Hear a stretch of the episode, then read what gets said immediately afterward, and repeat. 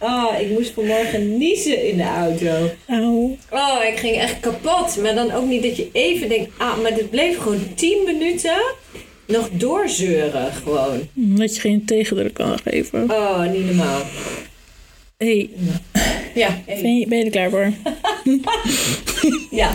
Hey, is goed. Nee.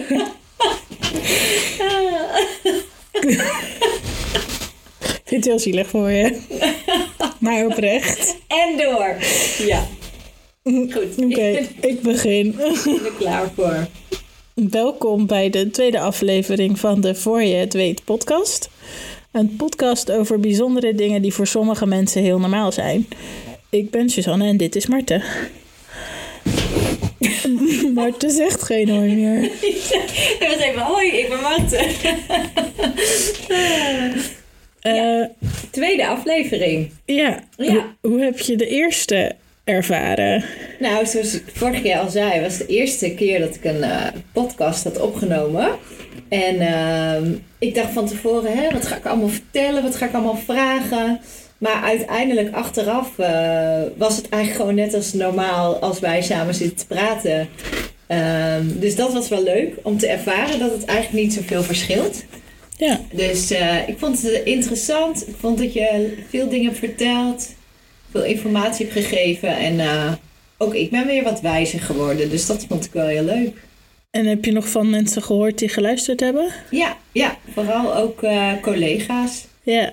Dus Ik had vooral mijn, mijn derde cultuurscommunity, die vond het heel interessant. En ze herkende het ook heel erg. grappig. Ja, dat was wel interessant. Ja, Ja. dus dat gaven mensen ook terug. Dat het wel herkenbaar was wat je vertelde. En eh, Ja, ja dat is dan toch wel... Ik, je leeft een soort... Je denkt in je eigen wereld of zo, maar dan toch wel dingen die overeenkomen met anderen. ja. Ja, En dan voor de doelgroep die het wel normaal vinden, het onderwerp, ja, is het herkenbaar. ja. Leuk is dat. Dat was vooral heel leuk, ja. Nou, misschien is dat bij deze uitzending ook het geval. Dat Ja. de mensen die wel bekend zijn met deze doelgroep ehm, het wel normaal vinden. En andere mensen hier misschien weer wat eh, van kunnen leren. Of Ja. het interessant vinden. Ik zal hem even inleiden. Ja, Vorige keer eh, hebben wij het gehad over hoe onze podcast ontstaan is. Toen hebben wij verteld dat we collega's zijn op een school. En de school waarop wij werken is geen reguliere school. En eh, ik denk dat het feit dat Marten als psycholoog hier werkt wel genoeg zegt. Scholen hebben over het algemeen niet echt een huispsycholoog. Ehm, en ook niet alle scholen hebben een leerkrachtondersteuner als vast deel van het team. En wij hebben er heel wat, volgens mij. zeker. Wij werken namelijk op een school voor zeer moeilijk lerende kinderen. Oftewel het cluster 3 onderwijs. Hoewel ik nog nooit echt iemand daarover heb gehoord dat ze dat zo noemen. Maar eh, vandaar dat deze aflevering dan ook heet. Voor je het weet werk je op een school voor zeer moeilijk lerende kinderen. En ik wil je wel vragen hoe je hier bent komen werken. Maar ik denk dat we eerst even moeten vertellen eh, wat het speciaal onderwijs nou precies is. En waar onze school dan eh, in het speciaal onderwijs past. Ja, Zodat het denk ik ook duidelijk is waarom wij psychologen hier hebben werken. En leerkrachtondersteuners en heel veel onderwijsassistenten. want er zijn heel veel verschillende vormen van speciaal onderwijs. Dus het is wel goed om even wat duidelijker te hebben wat het eh, cluster 3 dan eigenlijk inhoudt. Ja. Op de website, ik dacht ik ga gewoon direct naar de bron bij dit soort dingen besloten worden. Ja. Van de Rijksoverheid staat dat het speciaal onderwijs uit vier clusters bestaat. En dat in sommige gevallen is dat ook voortgezet, maar in veel gevallen is het vooral basisonderwijs. Eh, het eerste cluster is cluster 1 en dat is voor blinde en slechtziende leerlingen. Het cluster 2 is voor dove en slechthorende, slechthorende leerlingen of leerlingen met een spraaktaalontwikkelingsstoornis. En cluster 3 is dus de, er staat op de website een lichamelijke gehandicapte of verstandelijke gehandicapte en langdurige zieke leerlingen. En het cluster 4 is kinderen met psychische stoornissen en gedragsproblemen. En uh, het cluster 3 en 4 zijn scholen die met het samenwerkingsverband passend onderwijs werken. En in het cluster 1 en 2, die worden landelijk georganiseerd. Ja. Sowieso moet ik wel even benoemen dat ik vind dat uh, op de website van de Rijksoverheid mensen niet meer als gehandicapt benoemd zouden moeten worden, omdat het een beperking is. En ik vind dat gewoon een soort van ouderwets. Volgens mij zijn we het erover eens geworden dat dat niet is hoe we mensen noemen. Maar... Ja. Of het zijn verouderde gegevens, ik weet het niet. Of ze hebben het gewoon altijd zo laten staan. Ik heb geen idee. Nee, ik weet het ook niet. Maar het is wel goed dat je het signaleert, inderdaad. Ik, wij praten in ieder geval niet zo over onze leerlingen. Nee. Maar... Um, volgens mij worden de cluster 1 en 2 scholen landelijk georganiseerd, omdat het heel duidelijk is wat voor begeleiding iemand dan nodig heeft. Kijk, als je blind bent, moet je een leerkracht hebben die je daarin begeleidt, je breien leert lezen. En als je doof bent, moet je uh, gebarentaal leren. Dus dat is. Uh, de begeleidingsbehoeften van die leerlingen zijn vrij duidelijk. En het is of wel of niet. En dan moet je dus naar de dichtstbijzijnde school die dat biedt. En cluster 3 of 4 zit veel meer op een soort spectrum, denk ik. Mm, sommige leerlingen met uh, autisme of ADHD die kunnen prima in het regulier meedraaien. Anderen hebben wat meer begeleidingsbehoeften nodig. Maar dat moet dan volgens mij door een heel team uh, besloten worden waar iemand dan precies het beste past. Ik denk dat het daardoor uh, lokaal georganiseerd is. Maar dat is mijn interpretatie daarvan. Ja. En vanwege passend onderwijs moet natuurlijk ook worden heel veel leerlingen natuurlijk zo lang mogelijk wordt geprobeerd om ze binnen het regulier te houden. Ja. En moet daar wel eerst heel veel ingezet worden voordat een leerling ook daadwerkelijk doorverwezen wordt naar het cluster 3 of 4. Ja, zolang je meekomt met de leerstof. Als je bijvoorbeeld een leerachterstand hebt, uh, en je niet meer dan een jaar achter gaat lopen op je groepsgenoten. Uh, en dat is met blijven zitten. Dus als je een keertje bent blijven zitten en je blijft dan nog een jaar achterlopen, dan gaan ze kijken: is er niet iets meer passends voor een leerling om beter mee te kunnen komen? En dat geldt voor het gedrag wat je vaak in cluster 4 ziet ook zo. Ze proberen het natuurlijk eerst op te lossen binnen school met allerlei interventies. Het zij één op één, het, hoe je het ook wil noemen. En als dat echt niet meer lukt binnen school te houden, dan gaan ze inderdaad met samenwerkingsverband kijken. Is er een plek waar het geschikt is voor deze leerling? Volgens mij werkt dat zo. En dan wordt er een toelaatbaarheidsverklaring aangevraagd. Dus dan wordt er eigenlijk getoetst of deze leerling uh, geschikt is voor het speciaal onderwijs. Want je moet wel aan bepaalde voorwaarden voldoen voordat je een toelaatbaarheidsverklaring daarvoor krijgt. Ja, je ziet ook dat heel veel van onze leerlingen uh, pas halverwege de basisschool echt overkomen.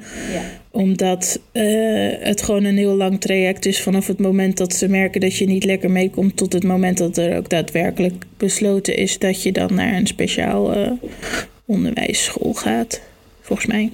Of ze komen al van vorige voorzieningen, dat ze al wel op jongere leeftijd, dat wel duidelijk is dat, er, dat ze extra begeleiding nodig hebben of een beperking hebben. Maar dat ze eerst naar een vorm van uh, een andere vorm gaan, bijvoorbeeld een, een medisch dagverblijf of een andere school. Speciaal basisonderwijs zie je ook vaak dat ze daar beginnen ja. en uiteindelijk uh, bij ons terechtkomen. Ja, nou, voordat ik hier kwam werken op een cluster 3 school, heb ik heel veel cluster 4 scholen gewerkt. En ik denk dat er een soort misconceptie is over cluster 4 scholen. Dat het alleen maar losgeslagen gedrag is. En er gaan constant stoelen door de klas heen. En dat soms ook wel, maar echt niet zo vaak als dat mensen denken. En je hebt vaak binnen zo'n cluster 4 school dan een verdeling van internaliserende leerlingen. Dat zijn leerlingen die hun eigen beperking vooral op zichzelf betrekken en vastlopen in hun autisme en niet tot werk toekomen bijvoorbeeld. Dus daarin niet fysiek agressief worden bij overbelasting. En zij hebben dus baat bij kleine rustige klassen met veel structuur en begeleiding. En de andere kant zijn vaak externaliserende leerlingen die wel agressief worden bij overbelasting. En uh, in, als een school groot genoeg is, worden deze leerlingen dan ook bij voorkeur uit elkaar gehaald. Zodat de een niet heel erg veel last heeft van de ander. En ik weet dat de externaliserende klassen die ik heb gezien en die ik heb gedraaid, die zijn ook echt wat meer strakker en veel strakkere regime. En iedereen wordt daar op dezelfde manier benaderd. En de internaliserende klasse, daar wordt vooral gekeken naar de behoeften van een enkele leerling en wordt veel met uitzonderingen gewerkt. En het grootste verschil met het regulier is de grootte van de klassen. Ja. Er zitten meestal iets van 14, 15 leerlingen in een klas. Sommige klassen of sommige scholen minder. En ook de uh, ervaring en de kennis binnen ja. het cluster 4 onderwijs. En het cluster 4 wordt inderdaad gewoon verwacht dat je het reguliere onderwijsprogramma volgt. Uh, meestal lopen ze daar ook niet meer dan een jaar achter op, op leeftijdsgenoten. En aan het einde van hun loopbaan hebben ze ook een VMBO-haven of VWO-diploma behaald. En dat is uh, wel anders met het cluster 3 natuurlijk. Over het cluster 1 en 2 kan ik niet zoveel zeggen, want dat ken ik helemaal niet. Ik weet wel dat hier in de buurt zit Bartimeus bijvoorbeeld, wat een school is voor blinden. Maar meer dan dat. Uh... Vaak hebben ze, uh, is het ook onderdeel van dat soort organisaties. Ja. Van Fysio of uh, Bartimeus. Toch hebben wij ook wel leerlingen die zijn begonnen in het cluster 2. Ja. Met spraaktaalproblemen, waar, waarbij uiteindelijk toch bleek dat het leerniveau lager lag. Want voor cluster 2 heb je ook een gemiddeld leerniveau, laag gemiddeld tot gemiddeld of hoger leerniveau nodig. Dus als je daarin niet mee kan komen, uh, val je ook vaak uit. Ja. Dus we hebben ook leerlingen die vanuit het cluster 2 bij ons komen. Ja, dus over het algemeen cluster 1 en 2 en 4 wordt wel het reguliere programma aangeboden met wat aanpassingen. Ja. Uh, mijn leerlingen behalen wel een, een diploma van het VMBO en het of HAVO-VWO, hangt er vanaf wat je niveau is. Of praktijkonderwijs soms zelfs. Um, dan het cluster 3 waar wij werken, want daar weten we natuurlijk op dit moment het meeste over. Misschien goed om nog even te vertellen dat er wel een splitsing is binnen het cluster 3. Dus dat, dat je ook scholen hebt voor uh, langdurig zieke kinderen of met een lichamelijke beperking. Die vallen onder het cluster 3 onderwijs. Maar dat is een ander soort onderwijs dan een school voor zeer moeilijk lerende kinderen.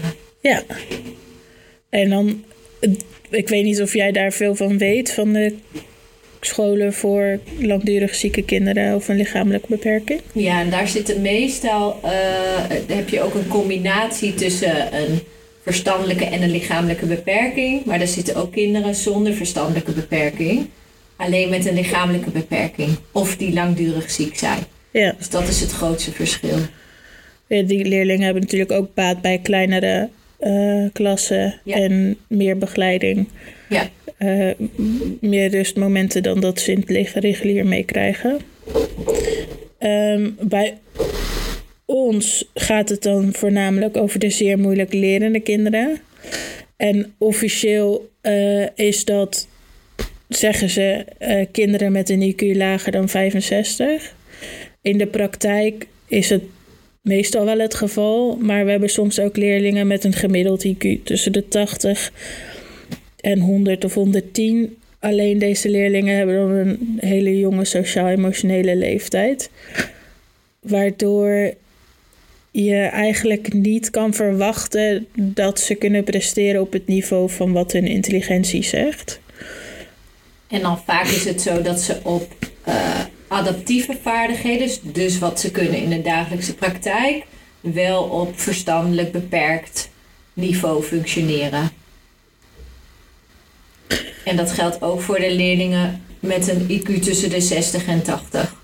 Ja. Dus eigenlijk kijken we naar het niveau van functioneren en niet zozeer alleen naar het IQ ja. in de toelating. Dat klopt, want wij hebben wel eens leerlingen die uh, hier binnenkomen en die hebben dan een vorm van autisme. En dan door de beperkingen die hun autisme uh, ze eigenlijk als het ware oplegt, uh, komen ze niet tot leren op dezelfde manier als dat een, een ander kind dat zou, zou hebben. En dus hebben ze ook die aanpassing daarin nodig. mm, ik denk dat ik heb gemerkt dat sinds ik hier werk, dat je niet zou kunnen zeggen: dit is het gemiddelde Nee. kind die wij hier op school hebben. Omdat iedereen op hun eigen leerlijn ontwikkelt. Je kan niet zeggen: oké, eh, iemand eh, met een IQ van 65 ontwikkelt zich dan drie jaar langzamer dan een, dan een regulier kind. Want dat is helemaal niet zo. Soms ontwikkelen ze zich heel snel in zelfstandigheid en kunnen ze prima een klusje hier en daar in hun eentje oplossen. Maar eh, lukt het ze niet om eh, om te gaan als iemand anders boos op ze is, bijvoorbeeld. Terwijl een ander daar eigenlijk prima mee om kan gaan, maar niet die zelfstandigheid aan kan. Dus dat is altijd wel heel interessant om te kijken wat een leerling dan precies nodig heeft. En we hebben natuurlijk ook leerlingen met een eh, hoger IQ, maar met een lager leerniveau. Ja, Die eigenlijk nog maar op groep 3 niveau zitten qua leren. Maar waarvan je zou verwachten dat ze al meer zouden kunnen. ja, Maar omdat ze dat lagere leerniveau hebben, past dat natuurlijk prima in onze doelgroep. Dus daarom is ook zo, een toelaatbaarheidsverklaring zo belangrijk om goed in beeld te brengen. Hè? Wat is de begeleidingsbehoefte van de leerling en het leerniveau, zodat ze toch wel op de goede plek zitten. Ja, je kan dus niet zeggen deze leerling is 12. Dus dan kan je prima eh, het jeugdjournaal aanzetten en hem alles vertellen over eh, de oorlog in de Oekraïne. Nee. Nee, dat is niet per definitie zo. Dat, sommigen kunnen dat wel aan hoor, maar Nou, en ik moet zeggen dat vroeger was de doelgroep wel wat eh, meer gekaderd hoor. Daar had je wat minder die uitschieters naar boven en naar onderen. En dat is in de loop van de jaren wel echt veranderd qua doelgroep. De ZML-doelgroep bij ons op school is echt wel een stuk breder geworden. Dus daardoor zie je ook veel meer verschillende soorten leerlingen. ja. Wat het aan de ene kant heel uitdagend maakt en aan de andere kant ook weer heel interessant, omdat je een veel bredere doelgroep hebt, eigenlijk.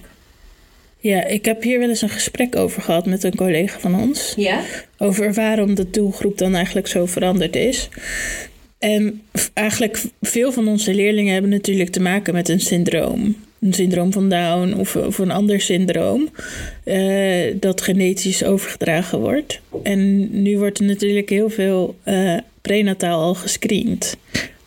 En diegene was ervan overtuigd dat dat wel een heel groot effect had op de leerlingen die wij dan wel of niet op school Mhm. zouden krijgen. Omdat er dus prenataal gescreend wordt en eventueel eh, vroegtijdig afgebroken kan worden van een zwangerschap. Dat zou natuurlijk wel interessant zijn om te kijken, is het dus ook echt zo dat er minder kinderen met Down geboren worden? Ja, Maar het is natuurlijk ook niet zo dat er alleen kinderen met Down vroeger nee, hier ZML zaten. Nee. Dus ik weet het niet. Ik weet het ook niet. Ik vind het altijd wel interessant om dat soort dingen Ja. te overwegen. Wat, waardoor komt het nou eigenlijk? Ja, ik weet het niet. Ja, het heeft natuurlijk ook wel met het passend onderwijs te Ja. maken. En dat, ik denk eh, dat het daar heel erg mee te maken heeft.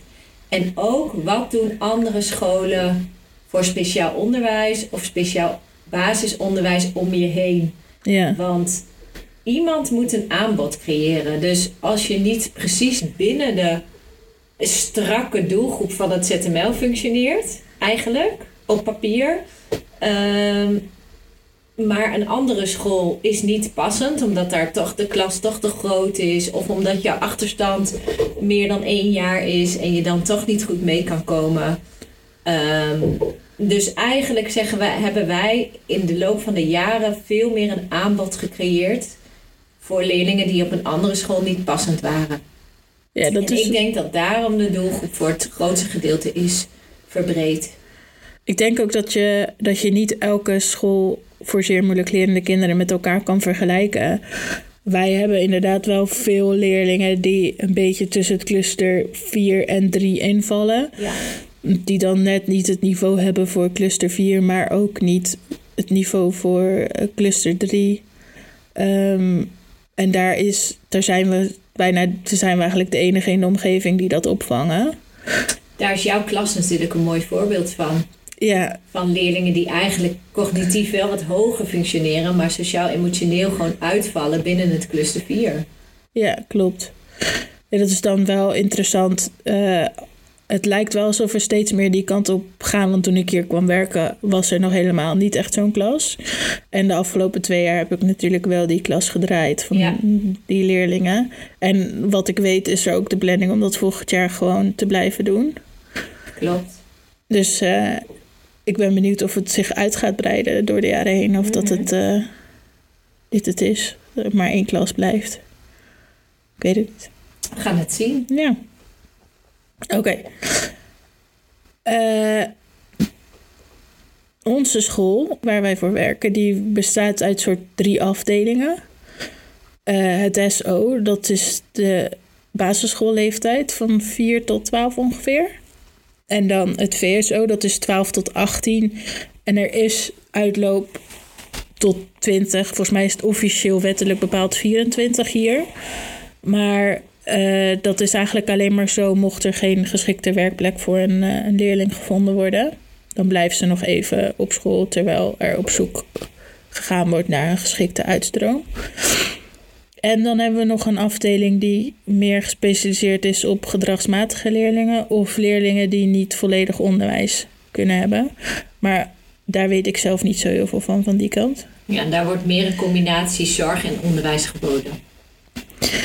Ja, dus eh, dat is een beetje in een notendop van eh, de school waar wij werken en waar we mee te maken hebben, de leerlingen. Dan ben ik nu zover om jou te vragen hoe jij hier terecht bent gekomen. Marten. Ehm, dat is al. eh, ik werk hier inmiddels ehm, 17 jaar.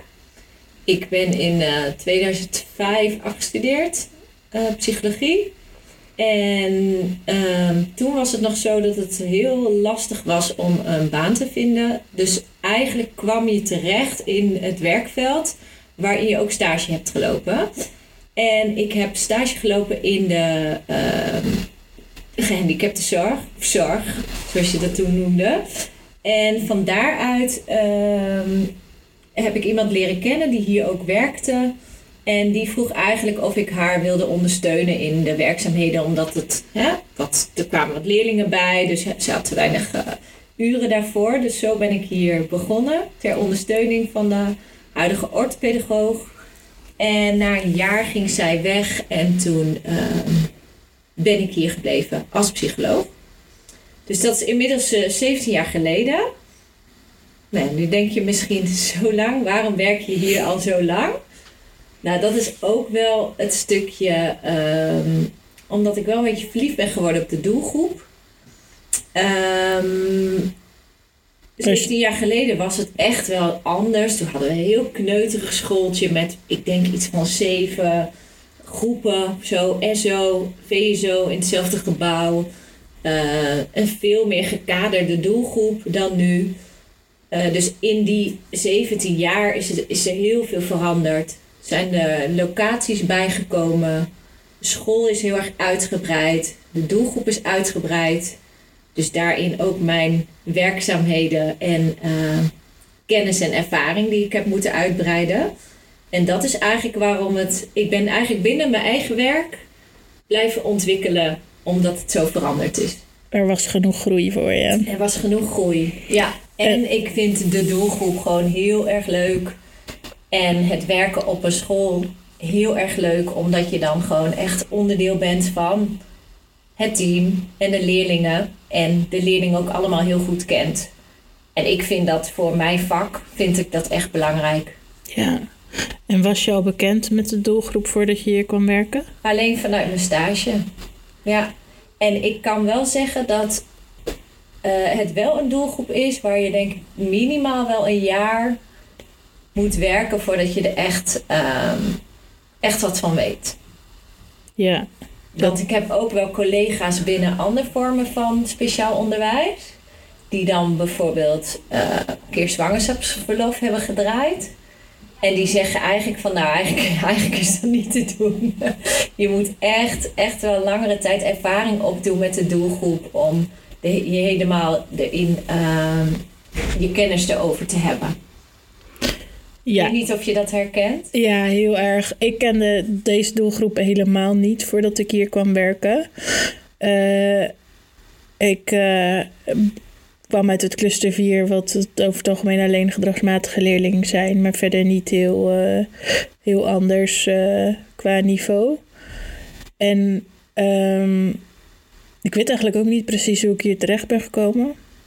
Mm, Anders dan dat ik heel graag wel weer in het speciaal onderwijs wilde werken, alleen niet waar ik op dat moment werkte. En cluster 4 hebben wij hier in de omgeving niet superveel. Nee. Eh, dus eh, toen ben ik hier komen werken. En wat ik heel erg merkte is dat ik mijn hele manier van praten en denken en eh, alles moest omgooien om met deze leerlingen beter te kunnen werken en ze beter te kunnen begeleiden. Ik praatte heel moeilijk, nou ja, niet moeilijk of zo, maar ehm, heel veel. Ik zei heel veel altijd. En ik moest gewoon ineens drie woordzinnen duidelijk gaan maken van pak je jas, zeg maar. En niet waarom je je jas niet moet pakken en wat je daarna mag doen. Dus ik moest echt heel erg filteren, leren filteren. En Maar ik denk wel, ik heb wel echt een jaar nodig gehad om de doelgroep te begrijpen. Eh, maar dat wilde ik ook heel graag. Ik was heel erg nieuwsgierig naar eh, hoe werk ik met een bepaalde leerling of wat heeft deze leerling van mij nodig. Ehm, ik heb me ook heel erg verdiept in de literatuur het eerste jaar. Van waar heb ik nou eigenlijk precies mee te maken? En eh, de, ik was wel bekend met autisme werken, maar dan niet in combinatie met uh, een, la, uh, een licht verstandelijke beperking of een verstandelijke beperking. Uh, hoe, ga je, hoe doe je dat dan, zeg maar? Dus ja, dat is wel echt een. En wat is het verschil in jouw ogen als je werkt met kinderen met een verstandelijke beperking of een lager leerniveau? Um, dat het wat meer primair is. Het is gewoon, ik verwacht nu van jou dit. En um, daar hoeft, zo'n leerling heeft helemaal niet nodig om te weten wat jouw beweegredenen achter zijn, waarom je wil dat, dat hij dat dan doet op dat moment. Uh, sommigen wel, natuurlijk, dat zijn die iets hogere, die vinden dat dan fijn om te weten dat ze hun mond dicht moeten houden, omdat ze iemand anders enorm aan het irriteren zijn en anders krijgen ze zo'n klap. Um, maar ja, over het algemeen zijn ze daar helemaal niet mee bezig. De meesten willen gewoon een duidelijke opdracht. Ja, dus uh, dat is denk ik wel een heel groot verschil. En, en de mate van reflectie die je van leerlingen kan verwachten. Uh, een leerling die, die 2,5 sociaal-emotioneel is, daarvan. Die, en die zet je op de gang neer, bijvoorbeeld, en je komt later terug en je vraagt waarom zit je op de gang? Ja, die heeft daar echt geen boodschap aan om dan te zeggen: ja, ik zit op de gang omdat ik geluid maakte. Die snapt dat helemaal niet. Uh, en zo'n leerling zet je dan ook niet uit de klas voor die leerling omdat die iets te leren heeft, maar voor de rust in de klas, zeg maar. Uh, en daar hoef je ook dan niet uitleg bij te gaan geven van je zit hier omdat dit en dat en dat. Dat, dat snappen ze helemaal niet. Of dat vinden ze ook niet per se heel belangrijk, denk ik. ze willen gewoon weer in de klas of ze willen iets leuks doen. Of het is ja, wat. Dus uh, moet je rekening houden met leerlingen die sociaal-emotioneel op een lagere leeftijd functioneren. Ja, en dat, ik denk dat dat, dat de, de lage cognitieve niveau voor mij nog niet eens zo heel veel moeilijker was. Want dan dacht ik, oké, okay, deze functioneert op groep 3 niveau. Dus dan, dan bied je dingen aan op groep 3 niveau. Dan praat je ook alsof je met iemand weet je wel, niet hele ingewikkelde instructies geven en lekker snel. herhaling bieden. Ja. ja. Uh, dat is op zich nog niet zo heel moeilijk, maar die sociaal-emotionele leeftijd, want iemand kan dan misschien wel uh, een leesboekje van groep 3 lezen. Maar uh, als diegene een nabijheid van anderhalve meter nodig heeft, omdat hij anders helemaal ontregelt, dat was denk ik wel heel erg leren voor mij. Dat, dat, zijn er vaak ook de leerlingen die je het snelste overvraagt. Natuurlijk. Ja. Dat zie je ook wel met nieuwe leerkrachten die bijvoorbeeld uit het regulier onderwijs komen. De meeste mensen zien wel dat ze wat jonger functioneren, maar eigenlijk zitten ze er nog een paar jaar, veel, paar jaar te hoog. Eigenlijk. Ja. En dat hoor je ook wel veel terug van nieuwe leerkrachten. Van, oh, ik moest echt nog veel meer stapjes terug. Ja. Ja. Ja, dat is echt wel heel interessant. En uh, het is, um, als je daar eenmaal achter komt, hoe je dat moet inschatten of hoe dat dan, dan krijg je er een soort gevoel mee. Dan weet je gewoon, oké, ik ben deze leerling heel erg aan het overvragen. En dan nog heb ik soms momenten eh, dat ik bijvoorbeeld, eh, ik had nu een vragenlijst bij een leerling afgenomen en dat uit die vragenlijst er naar voren kwam dat zelfs ik, die heel goed doorheb wat mijn leerlingen nodig heeft, nog steeds overvraagt op sociaal-emotioneel. Of dit, was, dit ging dan echt om het plannen van zijn eigen dag en, en keuzes maken en zo. Dat dat dan, dat dat dan nog te hoog uh, ingeschat zit. Daar blijf je gewoon mee bezig of zo. Ja. ja. En dat is vaak wel, als ik naar mijn vakgebied kijk, uit overvraging komen ook vaak wel gedragsproblemen. Dus dat is vaak een van de eerste dingen als het niet helemaal lekker loopt met een leerling in de klas dat we toch wel goed gaan kijken van hé, hey, maar kan die alles aan wat je van hem vraagt? Zit je niet te hoog? Is het niet te moeilijk? En daar moet je echt wel even ervaring voor hebben om goed te kunnen inschatten van wat kan je van een leerling vragen en op welke manier. En ook wel, denk ik, op zich kan je dan soms van een leerling wel vragen wat je van die leerling vraagt, maar niet als zijn ouders ook in scheiding liggen. Nee. Dan moet je ineens weer veel wat je normaal van hem kon, of van haar kon vragen, dat moet je dan weer omschalen en ineens een stuk minder gaan vragen, omdat ze dat gewoon allemaal niet bij kunnen houden. Ja. Dus het vraagt wel echt een soort uh, veel schakelen, want ja, in het verleden behaalde resultaten geven geen garantie voor de toekomst in dit geval. Wat... Nou, en ook als leerkracht moet je natuurlijk heel veel differentiëren in de klas, omdat je heel veel verschillende leerniveaus hebt binnen de leerlingen. Dus je kan niet gewoon iedereen groep 3 niveau aanbieden. Nee. Dat vind ik altijd knap van de leerkrachten die bij ons werken. Dat ze heel goed kunnen differentiëren. En dat is het mooie van onze school. Of ik denk sowieso elke cluster 3 school. Dat je heel erg maatwerk kan leveren. Ja. Dus dat je kan kijken op welk vakgebied heeft een leerling welke begeleiding nodig. En welk leerniveau. Dat kan natuurlijk ook nog heel erg variëren tussen taal en rekenen en nou ja, noem het maar op. Ja. Dus het is heel veel schakelen en maatwerk, veel aanpassingen doen. Dus je moet eigenlijk best veel kunnen, hè? Als je cluster 3 school werkt. Ja, wat moet je kunnen? ja, wat moet je kunnen? ja, en, ja, ik denk dat je, dat je dat het meest belangrijke als je met ons doelgroep werkt, en ik denk dat dat überhaupt is als je met kinderen werkt, maar je moet zo bereid zijn om te blijven leren. En niet vast te roesten in wat altijd, wat altijd de gewoonte was of wat je altijd al deed. Omdat je soms dan net een leerling in de klas kan hebben die daar echt niet goed op gaat. En dan kan je wel heel stug je, je been stijf blijven houden. En dan heb je om de dag een conflict met die leerling. Maar je kan ook gaan kijken naar waarom precies is dit wat ik nu doe voor die leerling zo lastig. Je moet echt heel veel kunnen reflecteren. Ja. Constant. Ik denk ook elke keer als ik wel een conflict met een leerling heb gehad, s'avonds, middags als de leerlingen weg zijn of s'avonds als ik er dan over nadenk, dan is het eerste wat ik me bedenk is, uh, wat was mijn aandeel? ja. En dat vind ik ook mooi, dat er heel veel kennis is binnen de school op verschillende gebieden. En dat wij als school wel heel veel aanpassingen hebben gedaan, ook naar de verschillende leerlingen. Dus niet standaard kijken, oké, we hebben deze groep, past de leerling daarin. Maar gewoon kijken van hoe kun je de omgeving of de onderwijssetting voor de leerling passend maken. Door inderdaad misschien dingen die je normaal structureel zo zou doen, voor deze leerling net wat aan te passen. En dat vind ik wel mooi bij ons op school. Ja. Daar is jouw klas ook een mooi voorbeeld van. Dat je gewoon elke keer toch net weer aanpassingen doet om te kijken, maar op welke manier lukt het wel? Ja, dat denk ik wel. Ik denk dat, dat we zijn nu ook heel erg bezig met de missie, met de missie zeg maar. Die we vanuit school breed dragen. Um, en dat het bij ons helemaal niet gaat om academisch presteren, als je het zo wil noemen. Of dat, uh, dat ze compleet zelfstandig de maatschappij in kunnen. Maar dat ze zich gelukkig voelen en met plezier op de plekken zijn waar ze heen moeten. omdat ze zich in onze maatschappij al zoveel uh, moeten aanpassen of niet mee kunnen komen omdat ze niet in staat zijn om zich aan te passen.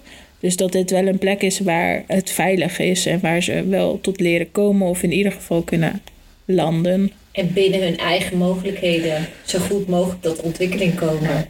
Ja, en, en veel van onze leerlingen, kijk, we geven natuurlijk wel gewoon taalreken en onderwijs en dat soort dingen, maar veel van onze leerlingen zijn we vooral heel erg nog bezig met hoe zeg je gedag of uh, uh, als, je, als iemand je heel erg irriteert, wat kun je dan doen uh, om dat minder te maken voor jezelf? Of moet je dan fysiek uit de ruimte gaan? Of, ik denk dat. Um, ik denk dat onze klas meer dan de rest van de klassen zijn we vooral heel erg bezig met dat sociaal-emotionele ontwikkelen. En dan, omdat dat goed gaat, kom je ook aan de anderen toe. Maar zolang dat niet goed gaat, dan kan je een rekensom erin willen stampen wat je wil. Maar... Als ze niet stabiel zijn daarin, dan het leren is dan, komt op de tweede plek. Ja. ja. En kan je, kan je ons dus meenemen in hoe een dag of een dagindeling eruit ziet binnen het ZML-onderwijs? Uh, de meeste van onze leerlingen komen met busjes of worden gebracht en moeten dan best wel lang in de auto hebben gezeten soms. Of dan zitten ze met allemaal leerlingen bij wie ze normaal niet in de klas zitten. Dus dat vraagt best wel veel over. Ja, dat, dat is gewoon een beetje overprikkeling voordat ze binnenkomen.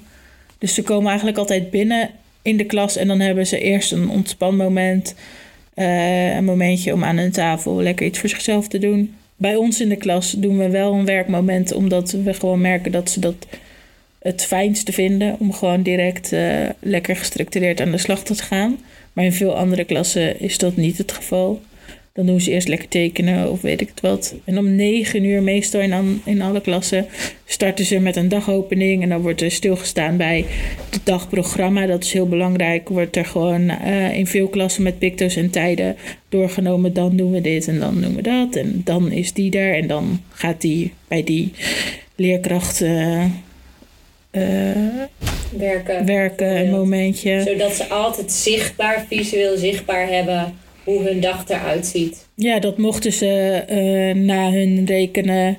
Of de timer gaat na het rekenen en ze weten even niet wat ze moeten doen. Dan kunnen ze altijd naar het bord kijken en dan weten ze, oh, we gaan nu uh, eten en drinken. Bij mij weten ze dan al heel goed, als de timer gaat, moet ik opruimen. En dan ga ik aan mijn plek zitten en dan krijg ik een nieuwe opdracht. Dat zijn allemaal voor mij hele normale handelingen, maar ik denk dat dat.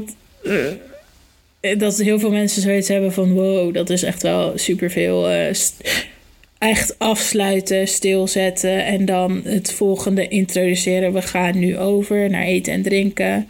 Ik noem je naam, dan mag je je tas pakken en dan. Uh, ja, dat is allemaal uh, wel heel erg. Om onrust te voorkomen, doe je dat op zo'n gestructureerde manier. Ja. ja. En ik weet dat, het, dat niet alle klassen dat nodig hebben. Um, dat je ook gewoon kan zeggen: Oh, de timer is nu gaan ruim op en pak je eten en drinken. Voor sommige klassen is dat prima, zeker tegen, tegen de, de hoge niveau eindgroepen die al 18 zijn. Dat is wat. Uh, wat maar daarvoor meer. geldt ook weer per klas wordt gekeken wat hebben de leerlingen nodig en hoe gestructureerd bieden we het aan. Ja, en, ja. en dan de werkmomenten bij, bij ons, maar ik denk bij veel zijn vaak maar half uren. Dus het is, het is vaak werken en dan ontspanning. Dus je hebt uh, rekenen. Uh, een deel krijgt uitleg, een kwartiertje gaat dan nog een kwartier zelfstandig werken. En dan daarna is het een kwartier ontspannen. Dan pak je er een bak met zand bij, of een boek of een tekening, of uh, waar, waar die leerling dan nog van ontspant. Soms dus heb... Het is een stuk inspanning, werken, ja. je concentreren en dan weer een stuk ontspanning omdat we weten van deze leerlingen dat het lastig is om je hele dag achter elkaar door te concentreren. Ja. ja. En in de ochtenden is vaak echt de, de lessen, uh, taal, rekenen, ehm, dat soort dingen. En in de middag is vaak meer praktische vaardigheden, omdat ze dan toch niet de concentratie nog over hebben om nog uh, een half uur te luisteren naar een, weet ik het wat, verhaal over de natuur. Uh, en als het dan wel is, dan is dat vaak in filmpjevorm, zeg maar. Dat het op die manier, op een ontspannen manier aangeboden wordt. Ja. En het praktisch leren manier in de middag. In de middag inderdaad eh, gewoon een korte uitleg van vijf minuten. Dit gaan we doen. Je pakt vijf eh, schroefjes en die doe je in een bakje. En als je vijf bakjes gevuld hebt, dan doe je dat allemaal bij elkaar. En dan begin je opnieuw. Dus dat is echt in hele ja, korte momenten. En dan kunnen ze prima gewoon drie kwartier lang eh, praktisch werken. Maar het vraagt dan niet cognitief nog superveel van ze. En heb je ook vakken buiten de klas? Activiteiten? Gym hebben we gewoon twee keer per week. Ehm, ze lopen stage vanaf het eerste jaar op, eh, bij mij is dat op donderdagmiddag. heb je het over het VSO? Je hebt de VSO-klas. Zijn ze al een jaar of veertien? Ja. En dan gaan ze dus op stage en dat is dan onderverdeeld in interessegebieden zoals groen, dan werken ze in de tuin of eh, textiel, dan eh, doen ze met wol of met eh, stof werken. Het kan ook productie zijn, dus dan vullen ze allemaal zakjes met hondenbotten. Dat is vaak buiten de klas en klasdoorbrekend. Eh, we hebben kooklessen die we aanbieden en dat is ook buiten de klas. We hebben een hele leuke keuken. En hoe, naarmate ze ouder worden, naarmate ze meer buiten de klas, buiten school eh, praktijk opdoen. En ook buiten school naar stage gaan. Ja. En van het SO weet ik eigenlijk niet zoveel. Maar die hebben vooral nog heel erg eh, in de klas les. Ja. eh, klassikaal. Daar is nog geen niet? sprake van stage, bijvoorbeeld. Nee. Maar wel ook eh, gewoon de gymlessen, muzieklessen. Eh, dat aanbod is er ook. Ja. En ook veel inspanning en ontspanning. Veel spelen, nog spelmomenten. Ja, wij hebben zelfs ook nog wel, we hebben elke dag wel een spelmoment. Ja. Omdat ze daar ook gewoon heel erg behoefte aan hebben. Mijn klas is wel, veel eilandjes vinden het vooral heel fijn om dingen alleen te doen. Maar we hebben nu, nu heb ik wel een aantal die het wel leuk vinden om Uno samen te spelen. Of eh, samen met de Lego te spelen. Dus dat hebben we dan wel inderdaad. Het is ook gewoon fijn voor eh, de groep om elkaar zo beter te leren kennen. Ja. En als je een leerling hebt die dat echt niet wil, of die daar gewoon heel erg op vastloopt, eh, dan vragen we dat niet in een spelmoment. Verplicht ik niet een leerling met een ander te spelen, omdat het ook een moment ontspanning is. Ja. Eh, we natuurlijk superveel te melden hebben over dit onderwerp.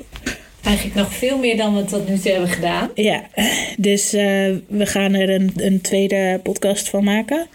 En daarin gaan we vooral kijken naar hoe bijvoorbeeld de structuur binnen onze school eruit ziet. Hoe ze verdeeld zijn in het basisonderwijs en in het voortgezet onderwijs. En waar onze leerlingen op uitstromen, waar ze gaan werken later.